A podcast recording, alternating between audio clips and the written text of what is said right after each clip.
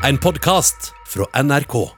Sosiale medier det er en populær måte å vise frem mange ting på, ikke minst kunst. Plattformer som Instagram og TikTok florerer av kunst i alle former, men hvordan er det nå egentlig å skulle leve av kunst på sosiale medier? Anette Moi er en av mange som har forsøkt å åpne et galleri på Instagram. Man må jo ha talent, det må man jo. Men eh, jeg har jobbet veldig mye med å selge og markedsføre meg sjøl. Hvis ikke så klarer du deg jo ikke. Og du kjenner veldig mange som er flinke til å tegne, men som ikke får solgt noe. Så det er en veldig stor del av jobben. Anneli Bull er kjent for sine byillustrasjoner.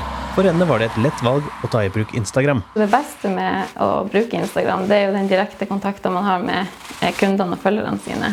Og man får jo egentlig tilbakemeldinger enten man spør eller ikke. Så eh, jeg syns det er veldig fint med den direkte kontakten. Det er likevel noen utfordringer med å skulle bruke den populære bildedelingsappen. Det er veldig mange som er gode på mye forskjellig, og veldig mange som har lyst til å vise seg frem.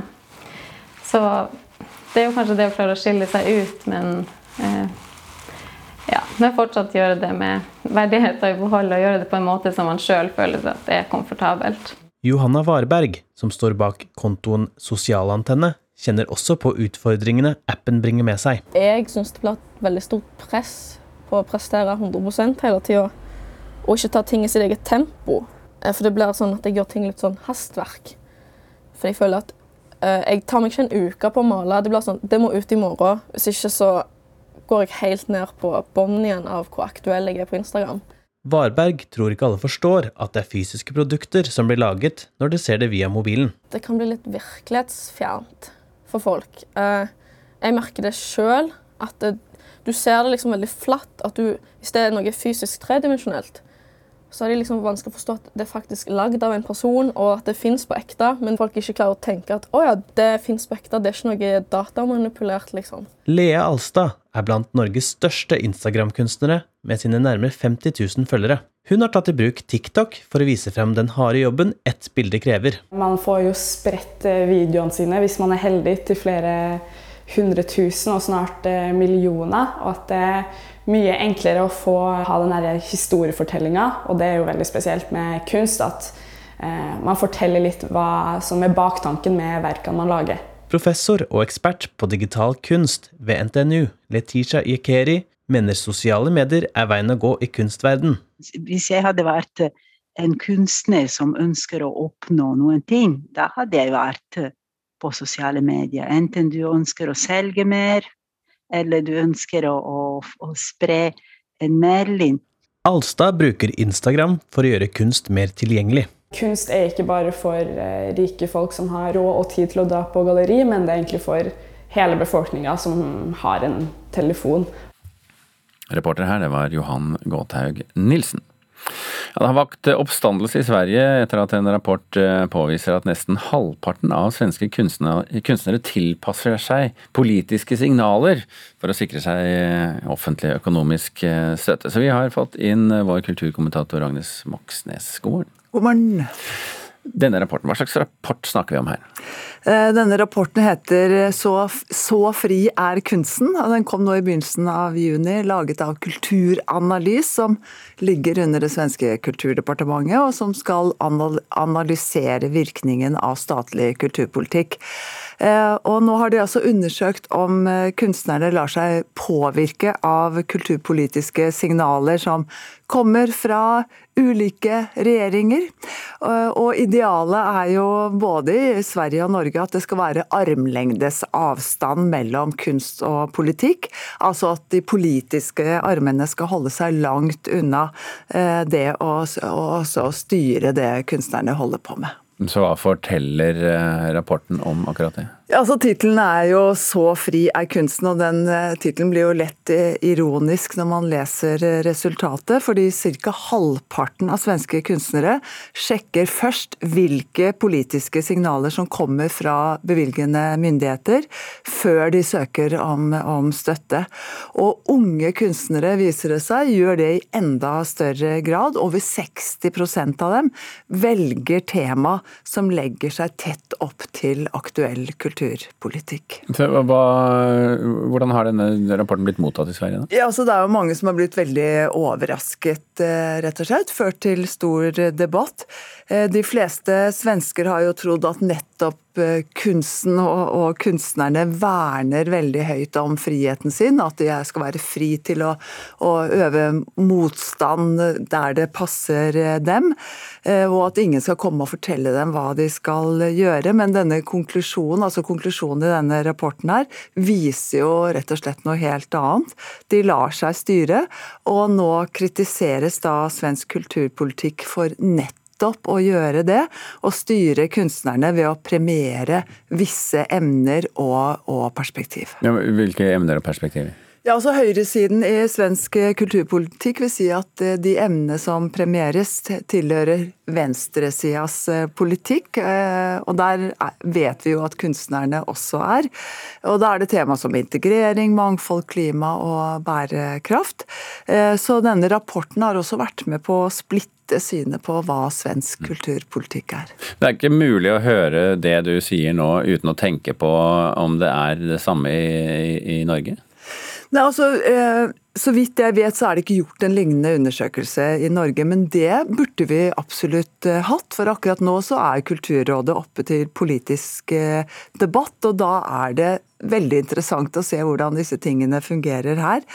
Og det vil ikke overraske meg så veldig om et resultat av en slik undersøkelse ville være noe i nærheten av det vi ser i Sverige nå. Hvis vi får en ny regjering til høsten nå, så vil eh, kulturministeren møte opp på Kulturrådets årskonferanse og fortelle hvilke idealer eh, og hvilke eh, visjoner den kultur kulturministeren har. Og så blir det interessant å, å, å, å se, eller for å si det sånn, i, all, i 2019, da, for å bare gå litt tilbake til Kulturrådet, er jo de som formidler, forvalter statens eh, penger. I 2019 så ga de støtte til 53 ulike kunstneriske prosjekt for at kunsten skulle gi miljøsaken synlighet og gjennomslag. Så da er jo spørsmålet, gjør det noe? Skal ikke skattebetalernes eh, kulturpenger brukes til fellesskapets goder? Slike spørsmål dukker opp i kjølvannet av denne debatten. Så mer forskning, altså. Ja, mer forskning, og særlig her, ja. Apropos forskning. Hvis du er forsker og har forsket på noe, og kommer frem til et nytt funn eh, Takk skal du ha, Agnes Moxnes, forresten. Du er, du er avløst. Eh, Ja, du har forsket på noe og kommet frem til et nytt funn som er viktig å fortelle til samfunnet. Ville du da fortelle det, uansett hva dette funnet er? Det spørs. Spørs på hva, reporter Christian Ingebretsen. Det spørs på hvor mye frykt du har som forsker for hets og tabloid presse. En ny undersøkelse som Institutt for samfunnsforskning har gjennomført blant forskere, slår jo fast at nesten halvparten av forskerne har begrensa egen forskningsformidling. Altså, det betyr de, de velger å ikke formidle det de har funnet i forskningen sin. Hva er problemet med det? Ja, hvis jeg nå tar opp mobilen her nå, eksempel, og liksom googler eh, hva er forskning? Research på direkten, det er ikke hver dag i jeg. går inn på Wikipedia-artikkelen som skal definere forskning, så står det annet at forskning skal øke kunnskapen blant folk. Og da mener jo noen at den kunnskapen bør formidles på et vis. Men hva er årsaken da til at, eh, til at eh, forskere ikke ønsker å formidle sine funn? Ifølge avisa Vårt Land, som skriver om undersøkelsen i dag, så handler det om frykt for hets, men også at mediene tabloidiserer og delvis kan misforstå forskningen deres. Ok. Utfordring. Ja, Klarer du å formidle neste nyhet eh, uten at det blir eh, tabloid eller til å misforstå? det tror jeg skal gå fint. For hun som synger denne sangen her, en hitlistetopp fra 1999, har nå gitt eh, sin støtte til datidens aller største rival. I feel like I've been locked up tight for a century of lonely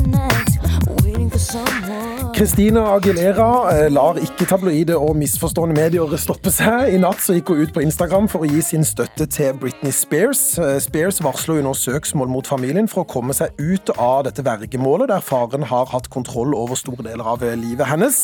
Aguilera skriver på Instagram det er uakseptabelt at en kvinne som ønsker å ha kontroll over sin egen skjebne, ikke skal få lov til å leve livet som hun selv ønsker. Er dette forskningsformidling, Christian? Ja, Det får være opp til lytterne å bedømme. Formidling var det i hvert fall uansett. Utvilsomt formidling. Ja, takk skal du ha. Vi bytter ut Kristian Ingebretsen eh, med Mona Palle Bjerke, som har kommet i studio. God morgen, Mona. God morgen. Vår kunstkritiker her i NRK. Vi skal snakke om Vanessa Baird. Hun er jo en kunstner som ofte skaper debatt. Hun er både kritikerrost, men definitivt også omdiskutert.